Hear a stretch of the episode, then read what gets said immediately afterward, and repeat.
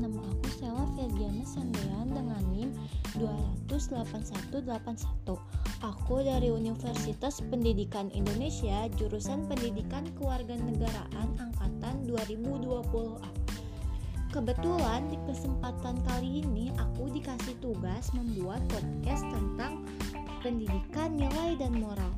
Jadi, tugasnya itu kita diminta untuk mengamati perilaku manusia di sekitar dalam ruang lingkup sederhana yaitu keluarga, teman, atau masyarakat. Kemudian dianalisis perilaku manusia yang seperti apa yang bisa aku pelajari, tapi yang memperlihatkan etika, nilai, dan moral. Nah, di sini aku dapetin hal tersebut dari ayah aku sendiri loh. Kejadian ini terjadi ketika aku duduk di bangku SD. Kalau nggak salah ketika aku kelas 1 SD, terus keadaan ekonomi keluargaku pada saat itu sedang jatuh. Oke, aku mulai cerita ya. Saat itu, aku, ibu, dan ayah sedang dalam perjalanan pulang. Ketika kita sedang jalan, tiba-tiba ayah menemukan sebuah dompet. Kemudian ayah membuka dompet tersebut, ternyata berisi KTP dan uang yang cukup banyak. Aku kira ayah akan menggunakan uang tersebut untuk membeli makanan karena kebetulan kita juga belum makan. Tapi ternyata ayah mengajak aku dan ibu untuk mengembalikan dompet tersebut pada pemiliknya.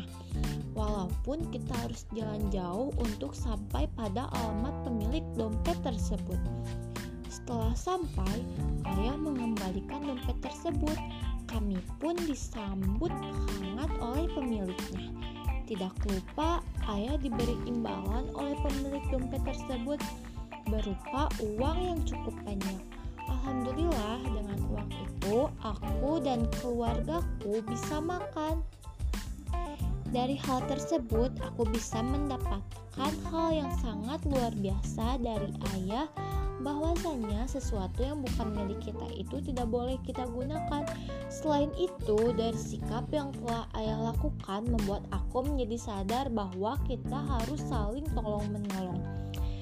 Dengan menolong orang, Allah akan menolong kita juga loh. Sebenarnya masih banyak hal luar biasa yang aku dapatkan dari ayah. Hal luar biasa tersebut bisa merubah perilaku aku menjadi dewasa seperti ayah. Sekian yang bisa aku ceritakan. Terima kasih ya. Semoga bermanfaat. Wassalamualaikum warahmatullahi wabarakatuh.